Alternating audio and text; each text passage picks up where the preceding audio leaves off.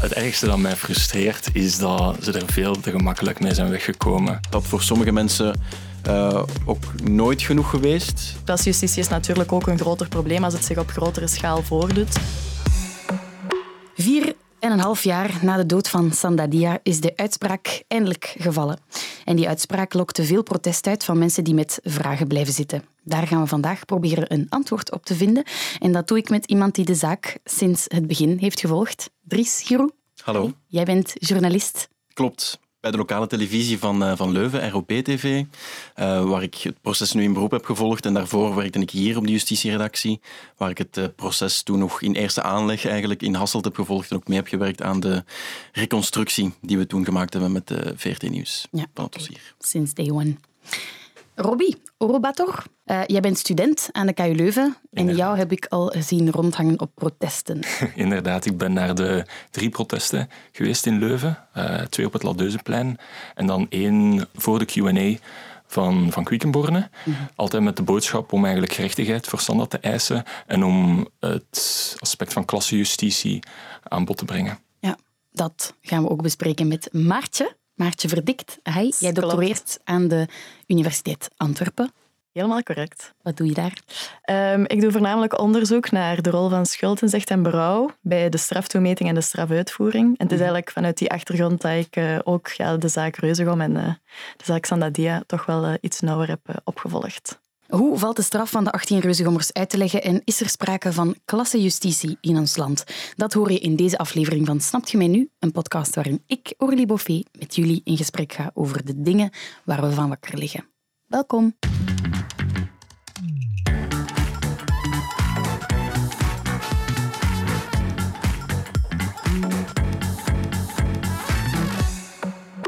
Robbie, ik zag een foto van jou passeren met een bordje Fok klasse justitie.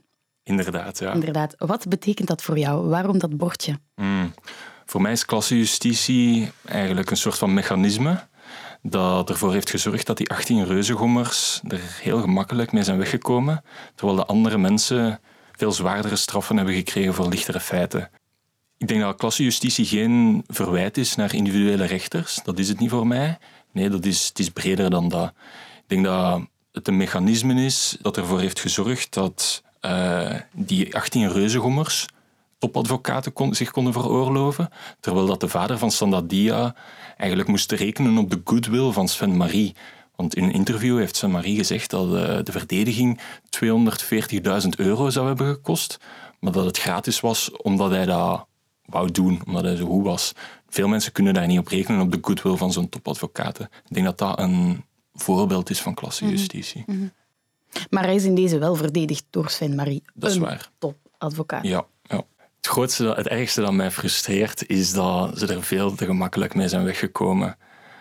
Uh, ik heb niet het gevoel alsof dat, alsof dat de rechtvaardigheid is in deze zaak. We leven in een ongelijke maatschappij en die maatschappij weerspiegelt zich in het gerecht, waardoor dat ook het gerecht tot op zekere mate ongelijk is. Als de situatie omgekeerd was geweest, als het 18 jongens van allochtone afkomst waren, dan zouden de straffen veel zwaarder zijn geweest. Maartje, ik val met de deur in huis. Is er sprake van klassejustitie in ons land? Moeilijke vraag. Bijzonder moeilijke vraag. Als ik de literatuur bekijk, dan zie ik voornamelijk dat uh, klassejustitie echt een containerbegrip is. Dus het is een begrip met heel veel verschillende betekenissen, interpretaties. Dus het is heel moeilijk om te zeggen, dit is nu klassejustitie. Als we dan toch gaan proberen om daar een soort van uh, betekenis op te plakken, dan um, ja, wordt er eigenlijk geschreven dat um, klassejustitie is een vorm van selectieve rechtspleging, waarbij dus uh, mensen die niet tot de heersende klasse behoren, zwaarder bestraft worden. Um, en ook omgekeerd, waarbij mensen die wel tot die heersende klasse behoren, lichter gestraft worden dan is natuurlijk ook de vraag, ja, wat is dan de heersende klasse? Waarop wordt dat bepaald? Of uh, op basis van welke, welke factoren dragen daar aan mhm. bij?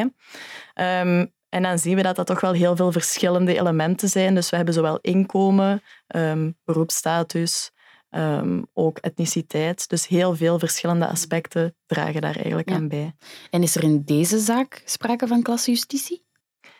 Ja, dat is eigenlijk een hele moeilijke vraag, omdat klassejustitie nu net zo'n uh, onduidelijk, groot, vaag begrip is, is het ook heel moeilijk om nu te onderzoeken wanneer is er inderdaad sprake van klasjustitie, wat zijn daar aanwijzingen voor, mhm. welke bewijzen kunnen we daarvoor zoeken. Um, dus zien we dat onderzoeken eigenlijk vaak op bepaalde deelaspecten daarvan gaan focussen. Dus zo zijn er bijvoorbeeld wel al heel veel onderzoeken geweest naar uh, de rol van etniciteit. Heeft dat dan een invloed op de mhm. bestraffing? Um, en daar zien we dus dat er toch wel al een aantal Belgische onderzoeken, ook Nederlandse onderzoeken, hebben aangetoond dat dus mensen van bepaalde uh, etnische minderheden daadwerkelijk uh, soms uh, zwaarder bestraft worden, vaker veroordeeld worden. Dus dat etniciteit effectief wel een rol kan spelen. Dit gaat natuurlijk over um, onbewuste denkprocessen. Dus het is niet dat de rechter expliciet gaat beslissen of uh, bewust gaat beslissen, we gaan deze persoon nu zwaarder bestraffen, louter en alleen op basis van etniciteit. Uh, maar die onderzoeken tonen dus toch wel aan dat er blijkbaar toch wel um, aanwijzingen zijn voor klassejustitie. Mm Nu, om een dergelijk onderzoek te doen op basis van deze zaak is toch wel lastiger. Heel vaak wordt er bij dat soort onderzoeken gezocht naar een soort van grote schaal waarbij ze heel veel verschillende soortgelijke zaken met elkaar vergelijken en dan nagaan wat was de bestraffing daar, verschilt dat. Mhm. En dat is hier natuurlijk anders. We hebben heel weinig of zelfs geen soortgelijke zaken om hiermee te vergelijken. Dus klasjustitie is natuurlijk ook een groter probleem als het zich op grotere schaal voordoet, wat het heel moeilijk maakt om dat hier uh, concreet uit te zoeken. Ja. Dries, heb jij aanwijzingen gevonden in dit dossier voor klasjustitie? Ik vind het moeilijk om me daarover uit te spreken. Ehm, ik denk als die vader van Sandadia aangeeft, dat komt natuurlijk vanuit een heel ander gevoel. Dat hij bepaalde dingen benoemt en ik kan daar alleen maar met, met respect naar kijken. Maar enfin, ik denk wel in dit onderzoek. Um, Sven-Marie stond daar ook niet alleen tegenover die andere 18 uh, eh, advocaten. Hij had een heel team bij zich. Uh, de, moeder, de, de, advocaat van de moeder, is ook niet van de minste. Er waren ook twee openbare aanklagers op het proces. Hè, want die van Hasselt is eigenlijk meegekomen naar, naar Antwerpen. Dat onderzoek is wel... Ja, daar zit van alles in. Daar zitten getuigenverklaringen in, meerdere verhoren, ANPR-camera's, beelden van, van, van camerabewaking.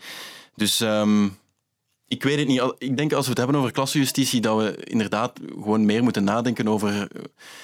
Um, klopt het inderdaad dat prodeo-advocaten bijvoorbeeld, zijn die toegankelijk voor iedereen? Weet iedereen daarover? Uh, jonge advocaten zijn verplicht om een aantal uren op te nemen als prodeo.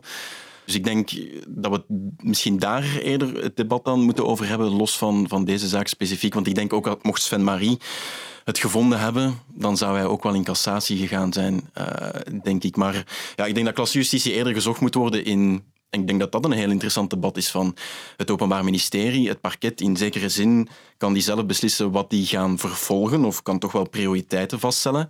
Mm en ik weet nog, een van de eerste zaken die, die, die ik wat gevolgd heb, ging over Beaulieu, een grote textielgigant in West-Vlaanderen. En 30 jaar lang eigenlijk al worden zij beschuldigd, die familie de Klerk, van witwaspraktijken. En die hebben hun proces eigenlijk op het einde van de rit afgekocht voor 50 miljoen euro. Daar kan je dan de vraag over stellen van, ja goed, willen we dat eigenlijk als samenleving wel? Dat zo'n mensen door geld op tafel te leggen, goed, daar zijn pro en contra voor te vinden natuurlijk. Um, maar ik vind dat precies eerder interessantere discussies, los van het concrete dossier hier, omdat ik dan denk ook van ja, als we het gaan onderzoeken op basis van dit dossier, dat kan, maar dan wordt er misschien ook beleid gemaakt op basis van dit dossier. Uh, en, dat, lijkt dan misschien eerder vanuit een paniek te komen, vanuit een emotie of zo, die zeker legitiem is, hè? daar gaat het niet over. Maar ik weet niet of dat dan heel constructief is op het mhm. einde van de rit. Mhm. Ja, je haalde aan, al die verschillende advocaten die zijn aangesteld. Heeft dat, ik, ik zag nog die frustratie passeren van hey, mhm. die nemen allemaal topadvocaten aan. Heeft dat echt een impact op het oordeel van de rechter? Maar dat spreekt tot de verbeelding natuurlijk. Hè. En eh, dat is een heel hypothetische vraag natuurlijk. Had het oordeel van de rechter anders geweest? Mochten daar allemaal pro-deo-advocaten gestaan hebben? Ik weet het niet, omdat er wordt vaak verwezen naar die advocaten. Ze waren ook niet allemaal, alle 18 advocaten, van in het begin betrokken bij die zaak. De eerste verhoren in het dossier zijn soms andere advocaten die, die dan s'nachts of s avonds zijn opgeroepen geweest. Dus ik weet het niet goed. En, en, het is vrij basisadvies, denk ik ook, van advocaten om tegen cliënten, zeker in een beginfase van een onderzoek, als je ook nog niet goed weet van ja, wat, wat wordt mij eigenlijk ten laste gelegd, om te zeggen van wacht vooral af, doe niet te veel, ga vooral niet vanuit emotie dingen doen. Dat is iets wat prodeo-advocaten als advies zouden ook meegegeven hebben, denk ik. Dus dat dan gaat over... En zwijg vooral? Ja, zwijgen. Het is maar in de beginfase misschien. Er zijn wel initiatieven genomen om dan die brieven te sturen. Goed, ja, ik kan daar, ik kan daar over discussiëren. Waarom hebben ze het dan niet gedaan? Je moet ook niet luisteren naar je advocaat, natuurlijk. Maar ik weet het niet. Het is natuurlijk niet zo. Mocht een van die 18 advocaten toch een prodeo-advocaat geweest zijn, dat het dan voor die ene reuzegommer heel anders zou geweest zijn, de straf. Mhm. Maar het spreekt tot de verbeelding natuurlijk. Hè. Ik denk dat er weinig processen zijn geweest waar ja, de top van de advocatuur dan zogezegd bij elkaar verzameld is. Maar uh, ik zeg het ja, aan de overkant stonden daar ook topleiders natuurlijk.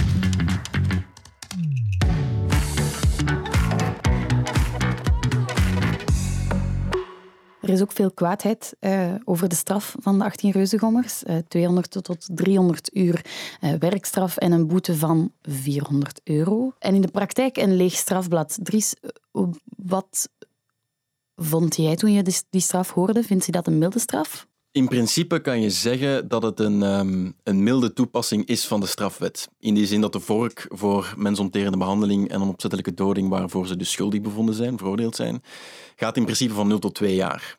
Dus je kan dan zeggen dat een werkstraf in ieder geval een alternatieve straf is. Um, en misschien een milde toepassing van de strafwet. Maar goed, ik, ik denk eigenlijk dat mochten zij wel veroordeeld zijn tot celstraffen tot twee jaar, dat vandaag de discussie zou gegaan zijn over ja, maar ze moeten niet naar de gevangenis. -hmm.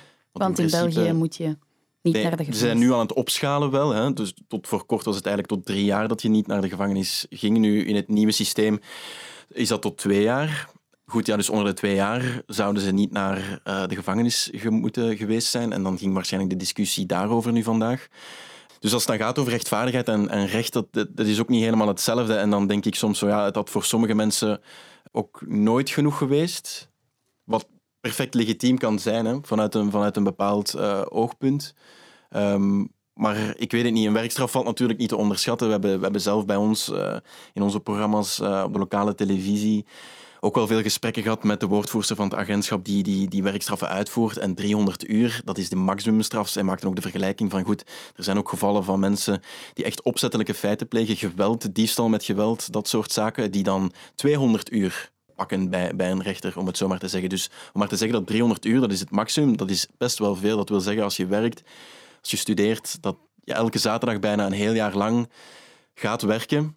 Als je daar naartoe rijdt, dat je wordt geconfronteerd met waarom dat je dat aan het doen bent. En goed, ja, dan is de vraag, wat is het meest effectieve natuurlijk? Uh, daar kan je ook mhm. een discussie over voeren. Ja, Robbie, jij vindt de straf wel te mild? Ik had meer verwacht, ja. Omdat veel mensen zitten met ongenoegen, omdat het inderdaad niet op hun strafblad komt. En ik vind dat het niet op hun strafblad moet komen, omdat ja, ze moeten geherintegreerd worden in de samenleving, dat is belangrijk. Maar ik denk Voor alle duidelijkheid, het staat wel op het strafblad, maar enkel als ze in contact komen met, ja, met, De, ah, met justitie, de politie. politie weet het wel, maar op het uittreksel voor werkgevers bijvoorbeeld, daar staat het niet op. Ah, oké, oké. Dus een belangrijke nuance waar ik niet van op de hoogte was, maar ah, bedankt voilà. om dat te verduidelijken. Maar in de praktijk inderdaad, als ze gaan solliciteren... Nee, werkgevers zien het niet. Nee. Inderdaad, oké. Um, ja, um, ik denk wat dat ik persoonlijk misschien graag had gezien was, een, als er dan toch een geldboete wordt gegeven, maak die geldboete dan meer in verhouding met het vermogen dat ze hebben. 400 euro, dat is niks voor die gastjes. Die zijn allemaal van heel goede komaf. En een geldboete ja, voor rijke mensen, dat betekent eigenlijk gewoon van, ja, je mocht de wet overtreden, maar leg maar wat geld op tafel en dan kom je daarmee weg. Nu, die werkstraf, dat is goed. Is goed dat het het maximum is.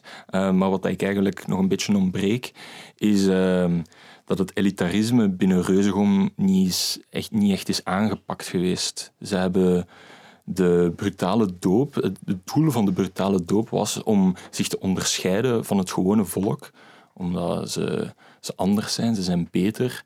Ze behoren tot de Vlaamse elite, dat is wat ze zelf zeiden. En uh, die waarden, die, ja, die wil ik, in zo'n samenleving wil ik niet leven. Ik wil niet leven in een samenleving waarin dat, dat elitarisme wordt aanvaard.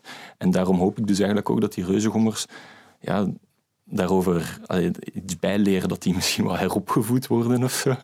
um, ja, en dat ze leren waarom dat, dat elitarisme fout is. Dat is wat ik ontbreek in de, mm -hmm. in de straf. Maartje, Robbie zegt hier net, die 400 euro, dat is weinig voor mensen die van rijke komaf zijn. Hoe zijn ze tot die boete gekomen? Waarom 400 euro? Kan je dat uitleggen? Um, ja, dat kadert eigenlijk binnen het, uh, ja, het ruime bestraffingskader waar de rechter mm -hmm. over beschikt. In het arrest is te lezen dat er ja, een heleboel omstandigheden daarbij in rekening worden gebracht. Zoals bijvoorbeeld de jonge leeftijd, blanco strafregister, maar ook andere elementen. Bijvoorbeeld ernst van de feiten wordt natuurlijk ook mee in rekening gebracht. Dus het is eigenlijk dat geheel aan factoren dat er dan uiteindelijk uh, voor de rechter toe leidt om een bepaalde hier dan mhm. werkstraf en een geldboete met, uh, van een bepaalde maat te, op te leggen. Want ik hoor dan ook heel vaak, ja, als je zwart rijdt op de bus, dan krijg je een boete die bijna even hoog ligt, bij wijze van spreken. Maar kan je die dingen vergelijken? Want daar zijn heel veel mensen misnoegd over. Dat is super moeilijk. Als je zo'n vergelijking wil maken, moet je proberen om um, ja, soortgelijke zaken te vinden, dingen die heel hard op elkaar lijken.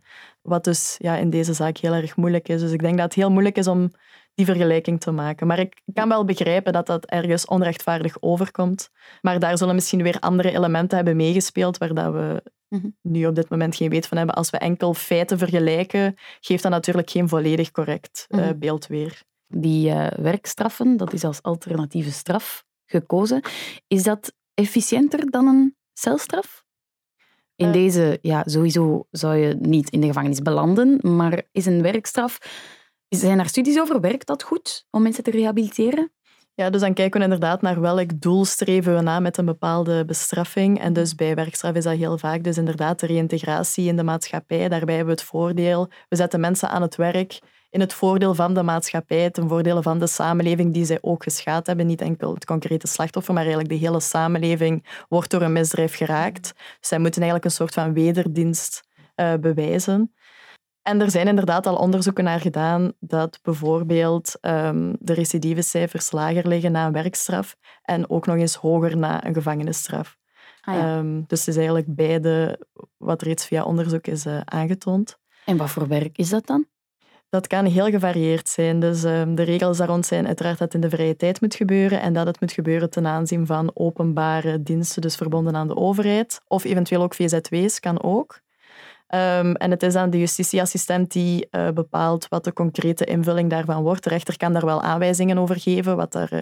mm -hmm. En zo wordt er ook wel uh, soms, of ja, is ook wel de doelstelling, um, om daar soms ook een spiegelende werking aan te geven, de zogenaamde spiegelstraf. Uh, waarbij ze dus de invulling van de werkstraf proberen af te stemmen op de feiten die gepleegd zijn. Dus bijvoorbeeld in een ziekenhuis of in een revalidatiecentrum of uh, bij slachtoffers van gewelddaden, als het dan bijvoorbeeld gaat over uh, dat soort feiten. Dus het ehm, kan heel gevarieerd zijn. Ja, ik wou er wel nog aan toevoegen, dus er is een geldboete van 400 euro, maar de reuzengommers moeten, Dries, kijk naar jou, ook nog een schadevergoeding betalen aan de familie. Die ja, ja, dat is ook een heel interessante discussie die uh, misschien een beetje onderbelicht blijft. Want in principe voor de, voor de vader, de halfbroer en hun respectievelijke partners is het eigenlijk al, is het al vastgelegd op 33.000 euro, dus voor die, voor die vier mensen samen. En voor die moeder, um, zij hebben symbolisch provisioneel 1 euro gevraagd. Dus daar ga je ook vragen over stellen. Inderdaad, die 15.000 euro nu in, in de VS gaat, loopt dat soms op tot miljoenen. Ja. Daar zit een hele andere redenering achter natuurlijk. Um, kan je de vraag stellen of dat veel is. Het Hof heeft, staat in het arrest een beetje gebruik gemaakt van um, tabellen die er zijn, zoals bij een verkeersongeval. Wordt er rekening gehouden bijvoorbeeld met was de persoon die overleden is, was dat de kostwinner van het gezin, dat soort dingen. Maar het, het Hof, um, en dat mis, dat mis ik misschien ook wel een beetje als journalist, ik weet niet hoe jij daar tegenover staat als, als juriste, maar um, je krijgt ook niet heel veel uitleg over hoe het Hof dan precies tot die schadevergoeding is gekomen. Bijvoorbeeld, er staat niets, want het is niet zomaar een ongeval. Toen ze veroordeeld werden, werd, kwam, kwamen de advocaten buiten en die zeiden ja, het is een ongeval, een heel tragisch ongeval, hè, de onopzettelijke doding. Maar natuurlijk mogen we niet vergeten dat ze binnen dezelfde context ook wel veroordeeld zijn voor die mensonterende behandeling, wat wel een opzettelijk feit is. Mm Die zijn natuurlijk niet veroordeeld voor de mensonterende behandeling met de dood tot gevolg, dat is dan nog iets anders. Maar dat, dat mis ik soms ook wel een beetje in het arrest, dat dat er wordt eigenlijk heel weinig gepraat over het lijden van Sandadia, ook als het gaat over die schadevergoeding. En dat is meestal zo in arresten, dat is juridisch heel sec, allemaal heel droog beschreven, want elk woord dat je daar opschrijft is een woord waar tegen in beroep met een vonnis of nu in cassatie zou kunnen gegaan zijn. Mhm. um, en kan je een vraag stellen of het dan misschien meer een pedagogisch arrest zou moeten geweest zijn? Um, goed, ja, ik, ik, ik mis dat wel een beetje. Ik mis dan bijvoorbeeld misschien ook wel een proactief hof van beroep, dan een persvoorlichter of ook het college van hoven en rechtbanken, die hebben daarna ook wel wat communicatie gedaan. En dan denk ik van, ja, wees er dan proactief mee. Mm-hmm. Kom dan proactief uitleggen voordat de hele discussie losbarst over wat is een werkstraf. Ja. Natuurlijk, die rechters, dat, dat, dat beraad is geheim, maar natuurlijk, daar is wellicht uren over beraadslaagd, over welke straf ze gepast vinden tussen mm-hmm. die drie rechters. En je krijgt op geen enkele manier natuurlijk een inkijk in hun hoofd. En ergens is dat begrijpbaar. Maar natuurlijk, op het moment dat een samenleving collectief of toch een heel groot deel die straffen niet begrijpt, daar toch ernstig vragen bij heeft, dan denk ik, ja, iemand moet het wel komen uitleggen dan. Ja. Rob, ik zie jou fronsen. Vind jij dat het transparant genoeg is? Maar ik denk dat veel van de woede of van de frustratie, de gevoelens van onrechtvaardigheid, dat die niet per se opgelost raken. Want als de mensen het zouden begrijpen, als de mensen het arrest maar zouden hebben gelezen en het maar zouden begrijpen, ik denk dat transparantie een deel van de oplossing is. Want het arrest is heel ontoegankelijk. Het is 117 pagina's van, vol met juridisch jargon. Ik heb het zelf proberen te lezen. Ik ben niet verder geraakt dan pagina 20, omdat het ook blok is. Studenten hebben de tijd er niet voor. Wanneer dan mensen gaan werken of zo en dan na hun werk nog eens 120 pagina's moeten lezen, ja, mensen hebben daar de tijd niet voor. Dus het is in de eerste plaats al heel ontoegankelijk. En zelfs als je het arrest volledig begrijpt, dan denk ik dat je het nog altijd oneens kunt zijn met het vonnis. Natuurlijk, um, ja. En ik denk dat het daarom belangrijk is dat er een onderzoek naar klassejustitie komt uh, in België in de zaak Reuzegom. We hebben het er daarnet even over gehad, maar ik wil het nog eventjes aan jou vragen. Um, hoe zit dat met dat strafblad van die Reuzegommers? Wie ziet er iets op dat strafblad? Ja, goede vraag. Um, ik denk dat er inderdaad ook heel veel vragen rond bestaan. Ja. Dat strafblad is blijkbaar toch iets uh, lastig. Um, dus zoals daarnet ook al gezegd, moet er inderdaad een onderscheid gemaakt worden tussen het strafblad of het strafregister enerzijds en de uittreksels daarvan die opgevraagd kunnen worden. Dus in het strafregister zelf worden alle veroordelingen opgenomen, dus ook uh, werkstraffen, maar die zijn dus heel beperkt toegankelijk. Enkele administratieve medewerkers. Dus het gaat echt voornamelijk over de uittreksels daarvan. Dus inderdaad, voor politionele diensten binnen justitie staan werkstraffen daar ook op opgenomen. Het is dan de andere soort uittreksels die aangevraagd kunnen worden, dus door particulieren bijvoorbeeld om te solliciteren bij een werkgever en door andere uh, administratieve overheden, dat die werkstraf daar dus niet op vermeld staat. Mm. Maar dat is het belangrijkste natuurlijk. Ja. Hè? En dat was ook altijd de hele discussie in het licht van dat, dat deze jonge gasten wel allemaal functies ambieerden, waarbij je vaak wel, want niet elke werkgever vraagt dat, hè, zo een uh, attest van goed gedrag en zeden. Mm. Maar als je de advocatuur in wilt, uh, een van de reuzegommers wil een notaris worden, als je dan natuurlijk dat niet kan, kan voorleggen of als je bij de overheid aan de slag wil gaan, dan zou het natuurlijk wel moeilijk worden. Nu, wat ik ook wel denk, en dat heb ik op het proces vaak gehoord, is dat die die de afgelopen jaren, als ze op zoek waren naar stageplekken en dat soort dingen, eigenlijk ook altijd al proactief zeiden van ja, weet wel, ik ben een van die 18, mijn proces komt er nog aan. En dat hoorde je uit de mond van die reuzengommers vaak, dat ze dan ook wel de deur in hun gezicht kregen. Dus dat ze dan op zoek moesten gaan naar andere studies, soms naar andere stageplekken. Dus ik stel me soms ook de vraag of ze niet proactief, mochten ze op zoek gaan naar een job, het gaan zeggen. Omdat ik denk, zeker als je dan kijkt naar alle sociale media commotie, mhm. je blijft hun namen vinden op Twitter en dat soort dingen. En zeker als ze dan in hun eigen provincie zouden blijven op zoek gaan naar, naar een job in hun eigen gemeenschap, denk ik, ja, iedereen weet wel over wie het gaat. Dus dan lijkt mij ja, het niet ondenkbaar dat ze zichzelf misschien een strafblad aanpraten in die zin dat ze er wel proactief over zullen communiceren met een werkgever die, dan, die er dan achteraf misschien toch achter komt. Ja. Want als ik me niet vergis, is dat toch ook meegenomen in de beslissing om de straf te geven, dat die namen al zijn rondgegaan op voorhand en dat die jongens wel al vier jaar mm belaagd worden online, toch? Ja, dat is een van de punten die hier inderdaad ja. uh, staat bij uh, hoe het Hof tot die straf uh, is gekomen. Hè. De negatieve vooral online berichtgeving op sociale media. Daarover gaat het, maar ja, dat zijn ook vaak de standaard dingen. Hè. Jonge leeftijd, blanco strafblad. het feit ook de, de tuchtprocedures, meermaals door de KU Leuven, uh, staat daar ook bij. En wederom, ja, je kan er daar vragen over stellen. Hè. Of dat inderdaad gepaste verzachtende omstandigheden zouden zijn om tot een straf te komen. Het Hof is daar eigenlijk vrij vrij in om een aantal dingen op te nemen.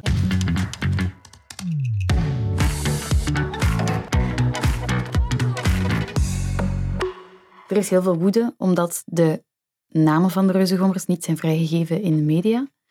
Robbie, vind jij dat die namen hadden vrijgegeven moeten worden? Mm, ik begrijp niet waarom dat ze niet zijn vrijgegeven. En ik denk dat dat voor veel mensen ook zo is, omdat er heel veel zaken zijn, andere rechtszaken, waarin dat de namen wel gewoon in de media verschijnen. Um, en het lijkt dus alsof dat er twee maten en twee gewichten worden gebruikt. Uh, het voelt aan als hypocriet. En ja, veel mensen begrijpen het niet zo goed het, het, lijkt, het lijkt inderdaad alsof dat de namen niet worden gegeven omdat het om witte jongens gaat van een goede komaf en daarom het hond boven het hoofd wordt gehouden, terwijl dat, dat bij andere mensen, misschien van minder goede komaf, niet het geval is. Mhm. Wij bij VRT Nieuws hebben de namen niet uh, naar buiten gebracht. Mhm. Jij ook niet, Dries. Kan je een beetje uitleggen wat de gedachte daarachter is? Wel, ik moet zeggen dat wij bij de lokale televisie, bij ROB-TV, altijd heel voorzichtig zijn. Zelfs als wij assiseprocessen doen en iemand wordt uiteindelijk schuldig bevonden aan moord, zeg maar, en gaat uh, voor tenminste 30 jaar de cel in, dan doen wij het zelfs vaak ook nog niet. Uh, omdat ik altijd wel redeneer vanuit een... Allee, wij redeneren altijd vanuit, vanuit een standpunt van ja, wat brengt het bij? Uh, die extra informatie. Natuurlijk als het dan gaat over een bekender persoon, bijvoorbeeld een, een, het is toevallig een, een bekende cafébaas of zo. Ja, dan weet ik ook niet of we dan altijd die namen geven. Dan kan je wel iets meer, meer omschrijving geven door hem gewoon de cafébaas uh, te noemen. Maar in dit dossier waar ik vooral naar gekeken heb, er zijn bepaalde aanbevelingen in de deontologische code van, van de journalistenbond, zal ik het zo maar noemen. En ik denk dat daar één zinnetje in staat van dat de journalist rekening moet houden met de maatschappelijke reïntegratie. En dat is wat heel veel journalisten hebben geargumenteerd, dat het inderdaad, als je kijkt naar die, naar die werkstraffen, die zijn nu eenmaal ingevoerd om een resocialiserend effect te hebben. Ze hebben geen strafblad. Dat zijn geen keuzes van journalisten geweest, dat is een keuze van ja, de wetgever eigenlijk geweest op een bepaalde manier. En dan is het ook niet de taak van de, van de journalistiek natuurlijk om daar dan ja, een, een andere houding te gaan nemen of om, dat extra, om die extra zware steen mee te geven of zo, om ze dan toch te gaan, te gaan noemen. Maar ik vind natuurlijk wel het is, het is, um, ik denk dat het Filip Heijmans was ook die, die zei bij jullie, uh, die ook in, in de deontologische raad zit, van joh, dat staat niet in steen gebeiteld natuurlijk. En dat is in elk individueel geval altijd opnieuw een afweging. En ik kan wat mij betreft uh, met hart op het hand zeggen dat er, er zijn geen afspraken over gemaakt tussen media. Iedereen heeft blijkbaar toch onafhankelijk van, van elkaar besloten om de code op die manier te interpreteren en ze dan uh, niet te geven. Ik weet dan ook niet waar die grens dan zou moeten liggen. Wanneer doe je het wel, wanneer doe je het niet? Doe je het dan enkel bij veroordeelden? Goed, ja, maar wat dan als een verdachte één bekend en twee ook een heel publiek figuur is, een, een minister, ik zeg maar wat. Wat doe je dan? Dus ik weet ook niet of het goed is om daar dan meteen eh, heel strakke regels over, over te gaan maken. Maartje, denk je dat deze zaak specifiek een impact gaat hebben op ons justitiesysteem? Ja, dat kan inderdaad. Dat er een, een, een, onderzoek wordt gevoerd naar de vraag: heeft het gerecht hier op een correcte wijze deze zaak behandeld, zonder dan de rechterlijke beslissing zelf te gaan uh, beïnvloeden. Mhm. Ehm, ik denk de belangrijkste les voor het gerecht hieruit is, of voor justitie in het algemeen, is meer dat er blijkbaar heel wat onbegrip is. Of vooral denk ik dan door een gebrek aan kennis. Dus dat het toch wel heel belangrijk is om duidelijk te communiceren, inderdaad in een begrijpelijke taal, waar heel veel mensen dan zo'n beslissing toch beter kunnen kaderen. wil dat uiteraard niet zeggen dat dat dan plots voor hen een volledig rechtvaardige beslissing hoeft te worden, maar dat ze toch beter de redenen begrijpen. Hm. Dus ik denk um, dat dat misschien wel een les kan zijn. En ik denk ja, dat dan uh, de Q&A die uh, minister van Quickenborgen heeft georganiseerd, dat dat misschien toch al een eerste stap is. Een, een mooi initiatief, maar natuurlijk nog heel kleinschalig, om vragen te beantwoorden, ook te luisteren. Um, ja, en op die manier misschien toch in de toekomst uh, dit soort ja, er zijn nu ook al andere initiatieven. Hè. Ik denk dat heel wat magistraten in het Gentse nu aan middelbare scholen eigenlijk hebben voorgesteld van goed, misschien moeten we eens langskomen en eens vertellen wat wij eigenlijk elke dag doen. Want dat, dat, dat is het een beetje. En justitie, dat is weinig transparant en dat heeft zijn redenen. Mhm. Eh, die onderzoeken zijn geheim, beraadslaging is geheim. Maar ja, er, is misschien nog wel wat ruimte om toch transparanter te zijn over werkwijzen en gewoon de filosofie erachter. Dus ik denk dat dat wel een goede zaak kan zijn. Ja. En dat gaat niet alleen voor rechtbanken, dat gaat ook voor parketten, denk ik. Uh, om proactief wat, wat, wat te gaan vertellen over waarom dat zij bepaalde zaken met prioriteit behandelen, andere zaken dan weer niet. Uh, omdat dat natuurlijk, dat geeft altijd aan weer aanleiding voor discussie. Mensen kunnen het daar dan altijd weer mee oneens zijn. Uh, dan hebben we tenminste meer info. Dat is een gezonde samenleving ook, denk ik. Mm Robbie, heb jij een beetje een antwoord gekregen op jouw vragen? Heb jij nog vragen voor Maartje en Dries? Goh, um, ik heb wel antwoord gekregen op een aantal vragen, inderdaad. Hoop jij op een hervorming? Zeker. Zeker, ja, ik hoop op een hervorming. Maar ik besef ook wel dat je binnen zo het systeem waarin dat wij nu leven, zo'n ongelijke samenleving, een ongelijke maatschappij, dat je daar geen gelijke rechtspraak in kunt hebben eigenlijk. Dus je kunt zoveel hervormen als je wilt, maar zolang dat je de basis, en dat is de economische ongelijkheid, niet aanpakt, dan ga je nog altijd geen gelijke rechtspraak hebben. Want die ongelijkheden tussen klassen gaan altijd weer spiegeld worden in de rechtspraak, in het gerecht als je over oplossingen spreekt, dan denk ik dat meer transparantie goed is. Dan denk ik dat een nieuw strafwetboek ook goed is. Maar zolang dat, dat nieuw strafwetboek wordt gemaakt binnen een ongelijk systeem, dan denk ik dat je nog altijd aan het morrelen bent in de marge en niet de fond van de zaak, het fundamentele probleem aanpakt. Als je echt een rechtvaardig gerecht wilt hebben, dan denk ik dat je de economische ongelijkheid hmm. binnen de maatschappij... Dat is dan een bredere discussie natuurlijk dan justitie alleen. Hè? Inderdaad, en dat is waarom dat ik niet wil dat het een technische discussie alleen is. Het moet een maatschappelijk ja. debat zijn over in wat voor een samenleving wij nu eigenlijk leven.